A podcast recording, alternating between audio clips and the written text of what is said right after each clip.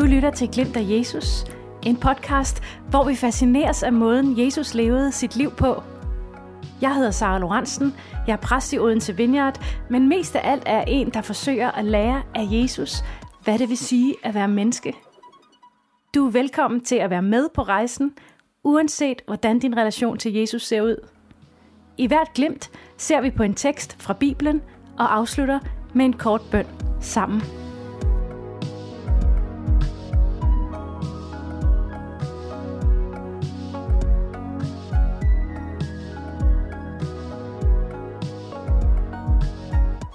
Velkommen til glimt nummer 3.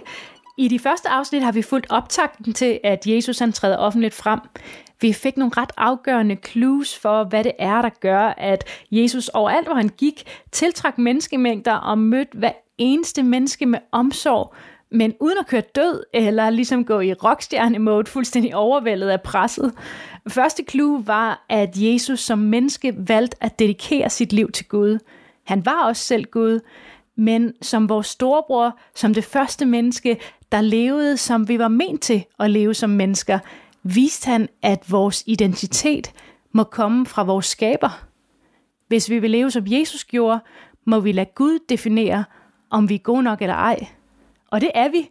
Ikke på grund af noget, vi har gjort eller ikke gjort, men alene fordi vi er skabt unikt af ham i kærlighed. Som en baby er elsket, fordi den er skabt i kærlighed og tilhører forældrene, ikke på grund af noget, den har præsteret.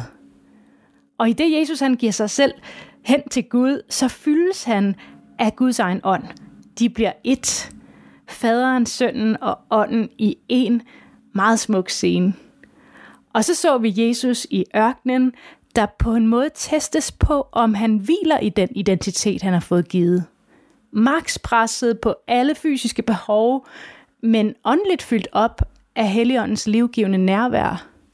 En scene, der på en måde rummer hele menneskehedens tilstand, en kamp mellem det gode og det onde, bortset fra at det onde sjældent ligner ondskab, men måske mere kryber langsomt ind som uskyldig selvmelidenhed og bitterhed. Men selve det her med at være bevidst om, at vi som mennesker, ligesom Jesus, befinder os i den kamp, det kan jeg mærke øh, faktisk er en kæmpe hjælp for min mentale sundhed. Ikke at det giver mening at give djævlen skyld for alt, der går galt i mit liv, eller alle svære følelser, men for mig giver det utrolig mening at forstå verden sådan, at jeg reelt har en fjende, der aktivt arbejder på at holde mig væk fra glæden og hvilen i Guds favn. For ellers så er det jo bare mig selv, der er min egen fjende. Ikke? Mig selv, der ikke kan finde ud af ikke at tænke negative tanker. om Mig selv, der kan skamme mig over ikke at formå at hvile i, at jeg er elsket. Og når jeg selv er fjenden, så inviterer det jo også nærmest til at meditere ekstra meget på, hvorfor jeg føler, som jeg føler, og mit fokus, det bliver på alt det, jeg ikke er. Det vil sige, igen på skam. Der var faktisk engang en vis kvinde, som jeg talte med om alle mine øh, negative og angstfyldte tanker på det tidspunkt, som øh, gjorde, at hun tog sin fingerring af, og så bad hun mig række hånden frem, og så lagde hun ringen i min håndflade. Og så spurgte hun, hvem tilhører ringen nu? Og så svarede jeg tøvende, jamen det er jo din ring.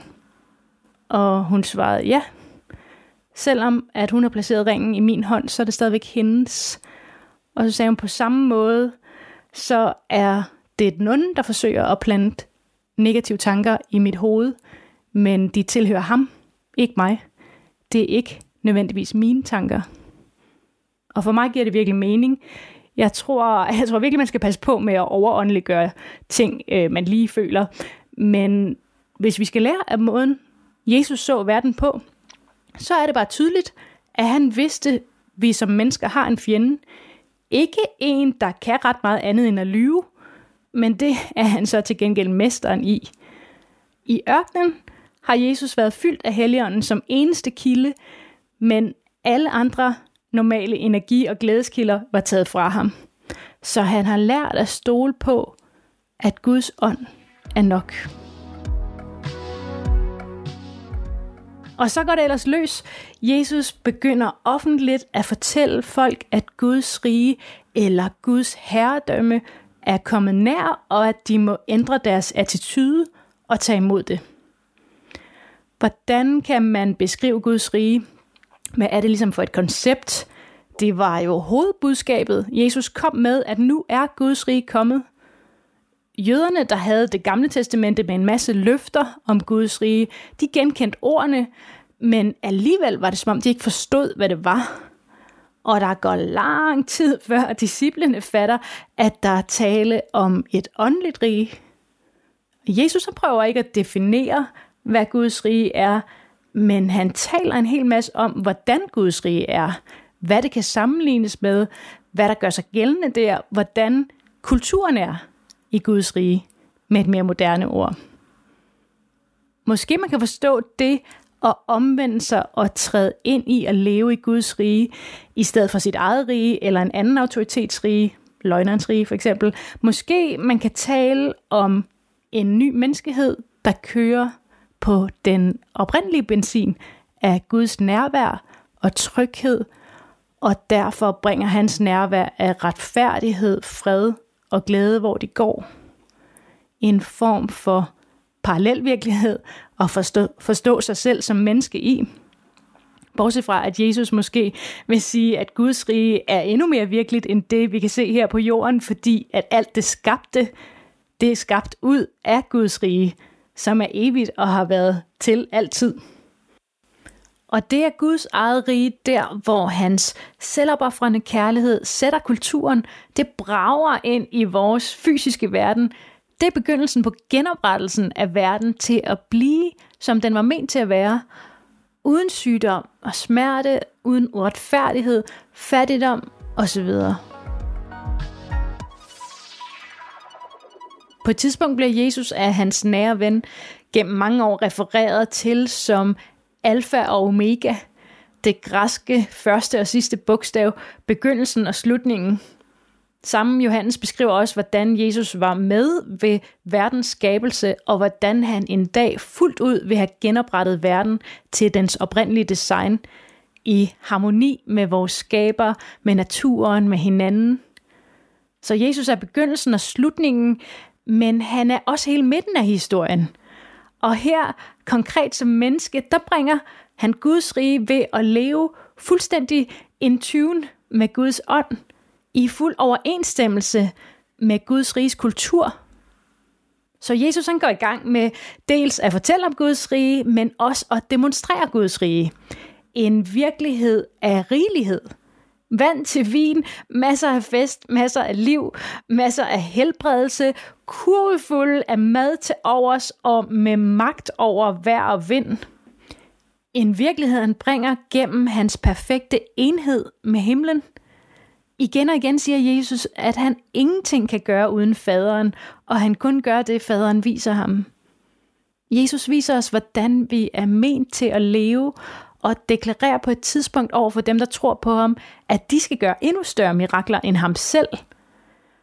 Det er som om, han kommer som en tutorial på menneske version 2.0 reboot.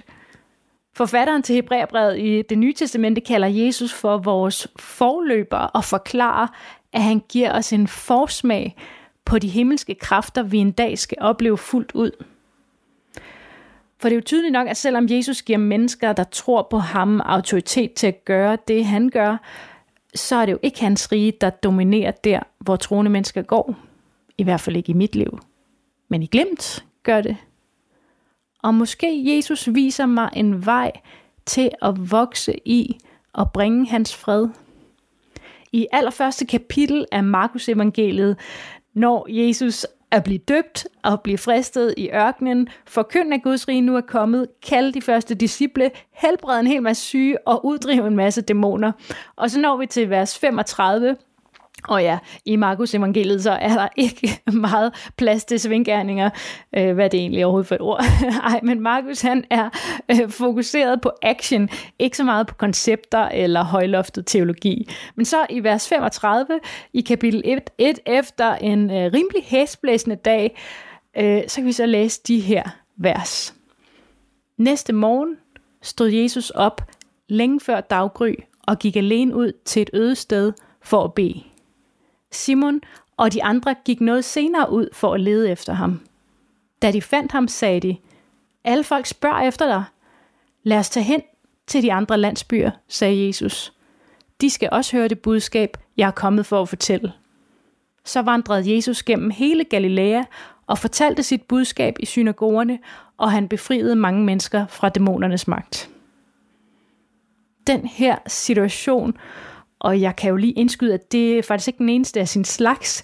Den her situation, tænker jeg måske, er den, der har potentiale til at lære os allermest om, hvad der skal til for at leve i den fred, Jesus levede i. Jesus han står op, mens det stadigvæk er mørkt. Han offrer søvn og komfort, selvom han jo må være udmattet af alle de mennesker, der har flokket sig om ham hele dagen med deres behov. Der er noget, han ved er mere vigtigt for ham end søvn. Der er noget, han ved, han har mere brug for end søvn. Tid i selskab med stemmen, der kalder ham for hans elskede. Alene tid med faderen og helligånden, hvile hos ham, der giver ham kraft, visdom fra ham, der har sendt ham. Kort sagt så vidste Jesus, at for at kunne klare presset, så havde han brug for at lade op. Ligesom du og jeg har brug for at lade op mindst en gang om ugen, trække stikket, være sammen med folk, der kender os godt, hvor vi kan slappe af og være os selv og bare være.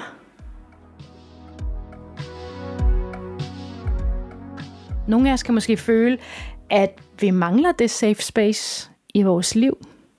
At hvis bare vi havde en tæt veninde, vi kunne få støtte hos, eller få en krammer af, så ville vi have det meget bedre. Især i den her coronatid har mange af os manglet de der uformelle hæng ud tider. Vi har været meget mere alene og følt os mindre forbundet med andre. Især hvis man bor alene, kan det have været svært at opleve den her følelse af at høre til et sted. Jesus han vidste, at han hørte til hos Gud, at fællesskabet af faderen, ham selv og Helligånden var der, han hørte hjemme. Der han kunne lade op. Der det var nødvendigt for ham at lade op, fordi de spejlede, hvem han virkelig er. Ikke hvem folk godt kunne tænke sig, han var. Jeg ved ikke, hvad dit forhold er til bøn, om det vækker associationer til noget rart og trygt, eller måske noget mere religiøst, eller måske til noget tungt eller uoverskueligt. Det er meget forskelligt, hvordan folk har det med bøn, og samtidig så er der tit undersøgelser, der viser, at en ret stor del af os beder ind imellem. Jeg ved ikke, om du mest beder, når du ikke ved, hvad du ellers skal gøre, eller om bøn er en daglig vane for dig.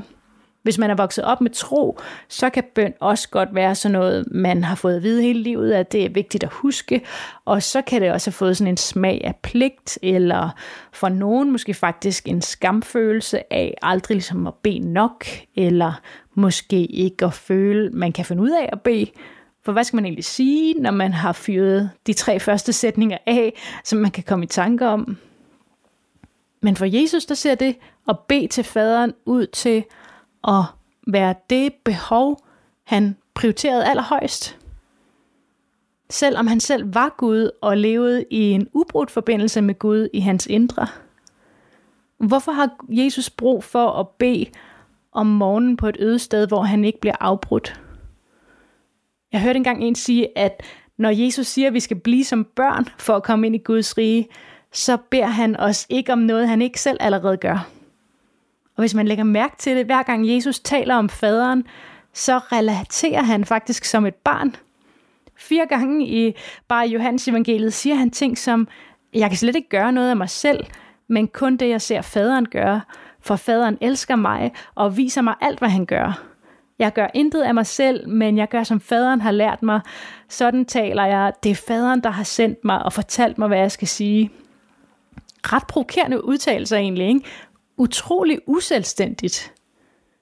Forfatteren Paul Miller kalder også Jesus for det uden tvivl mest afhængige menneske, der nogensinde har levet. Det mest afhængige menneske, der nogensinde har levet. Det er jo så modkulturelt, og får nærmest alle ens røde lamper til at blinke. Ikke? fordi vi i vores øh, individualistiske kultur sætter det at være vores egen herre, vores egen lykkesmed, vores eget livs arkitekt højere end noget andet måske. Vi skal selv lære at tale og coache os selv og berolige os selv og tale positivt til os selv. Men så alligevel ikke, så er det jo en illusion. Ligesom jeg har citeret fra Bob Dylan i første afsnit, tror jeg, så tilbærer vi jo alle sammen et eller andet. Vi finder alle sammen vores identitet og tryghed i et eller andet. Vi har alle sammen noget, som vi er villige til at gå meget langt for at få eller for at holde fast i, for at føle, at vi kan fungere. Om det er trygheden i bestemte menneskelige relationer, hvis bare jeg fik en kæreste, der ville støtte mig og bekræfte mig, så vil jeg fungere. Om det er følelsen af at lykkes professionelt og bevise, man er noget særligt. Om det er økonomisk sikkerhed for ens selv og sine børn. For Jesus, der er det faderen, han sætter på den plads. Det er faktisk som om Jesus slet ikke opererer med en separat selvforståelse. Jeg kan ikke se nogen tegn på, at Jesus nogensinde havde en identitetskris. Det virker ikke til, at han nogensinde forsøger at finde sig selv. Måske fordi han udelukkende har kendt sig selv i relation til faderen. Som om han slet ikke forstår sig selv uden for den relation som han kom for at invitere os med ind i. Den situation i evangelierne, der uden tvivl har ændret allermest i min egen selvforståelse, det er en situation lige før Jesus han bliver taget til fange, hvor han beder til faderen i hans allermest angstfyldte øjeblik, og det han beder for, det som der er på hans hjerte, det er, at alle, der en dag kommer til tro på ham, må opleve at være et med ham og faderen, ligesom de er et hver gang jeg læser de her vers, så er der noget, der smelter inden i mig. Noget, der sætter sig på plads. En dyb længsel, der heles mere og mere. Så de sidste dage i Jesu liv, de har været mega intense. Pludselig vil folk have hans opmærksomhed non-stop. Det må næsten have været ret skræmmende og stressende. Folk var ikke interesseret i, hvordan han havde det, hvad hans behov var, men i, hvad han kunne give dem. Og han var kommet for at give, men han var jo også stadigvæk et menneske med de begrænsninger, det giver. Så han trækker sig tilbage og lader op sammen med faderen og helligånden. Men da disciplene vågner, og folk begynder at banke på dørene og kræve Jesus selskab, så går de i panik og har sådan, shit, hvor er han? Vi har brug for ham nu. Folk har alle de her forventninger. De bliver sure, de bliver skuffede. Hvad kan de finde på at sige om os? Hvad kan de finde på at gøre? Så de finder endelig Jesus og er sådan, hallo, alle leder efter dig, hvad laver du? Så kæmpe kontrast til, hvad Jesus er styret af. Ej, hvor jeg bare genkender det. Jeg føler mig nærmest som verdensmester i at navigere efter, hvad folk de forventer af mig, og så blive mega stresset og sur og bitter over det stress, der følger med. Min messenger-indbakke føles tit meget overvældende for mig. Jeg kan nogle gange føle, at det bare er en stor klump af mennesker, der bare venter på at blive skuffet af mig. Øh, selvom så mange beskeder får jeg altså heller ikke, og beskederne rummer jo meget sjældent noget forventningspres egentlig, men alligevel så er selve deres tilstedeværelse tit nok til at give mig angst. Mere end noget andet, så har mange af os nok tendens til at tilbe andre menneskers tanker om os. Tænk, hvis nogen bliver sure, eller endnu værre, tænk, hvis der er nogen, der bliver skuffet over mig. Vi kan næsten ikke rumme det. Hvorfor? Ja, det må vel være fordi, at vi tror, det siger noget om, hvem vi er. At vi er, hvem andre mennesker ser os som. Og hvis de er skuffede, så giver det os jo ikke kun angst, men også skam. Fordi vi får en følelse af grundlæggende ikke at være nok. Hvis Jesus han havde levet her i dag, så ville hans messengerindbakke nok være fuldstændig oversvømmet. Men Jesus, der her lige har brugt tid på at lytte til faderen, han siger bare helt roligt, jamen nu skal vi til nogle andre byer. Jamen Jesus, hvad med alle folks forventninger? De bliver ked af det jo, og sure jo.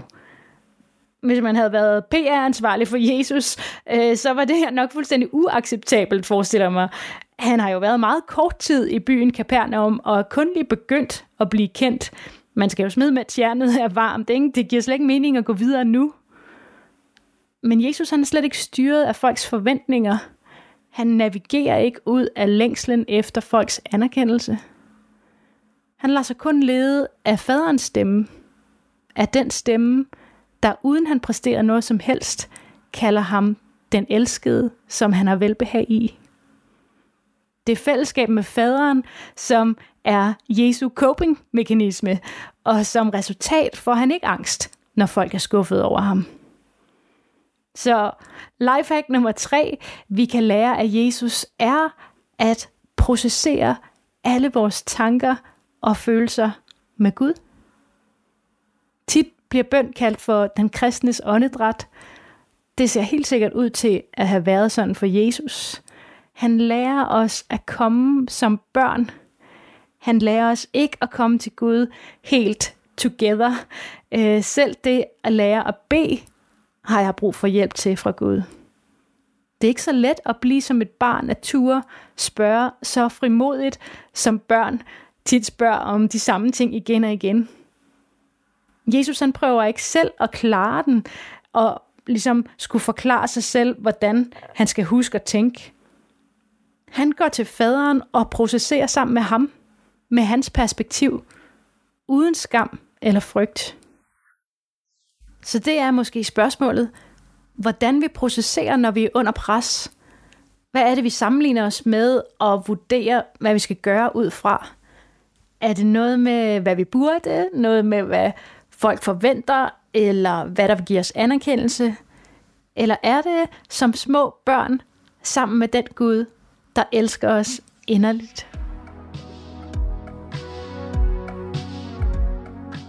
Jeg har brug for at bede i hvert fald, og jeg håber, at du vil være med. Tak, Jesus, at du viser os, hvordan vi kan leve uden frygt og skam. Tak, at du går foran os og viser os, hvordan det ser ud at relatere til Gud som hans børn. Frimodigt og afhængigt og fuld af hvile og glæde. Jesus, vil du vise mig, når jeg lader mig styre af menneskefrygt, når jeg i praksis tilbeder noget mindre end hvad jeg er værd? Vil du bryde min afhængighed af andre menneskers anerkendelse og fylde mig op igen med din kærlighed, der aldrig rokkes? Kom, Helligånd, og fyld mit indre op med dit gode, gode selskab. Jeg vil gerne tilhøre dig for altid. Amen.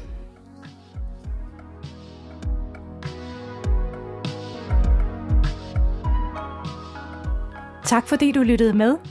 Klik endelig abonner på Glimt af Jesus, der hvor du hører podcasts. På den måde er der flere nysgerrige på Jesus, der kan få kendskab til os. Du er også meget velkommen til på Instagram at følge mig eller Laundry.dk, der producerer den her podcast og andet godt indhold om tro. Tusind tak til Sonar Music, og vi håber, at du vil opleve glimt af Jesus i løbet af din dag.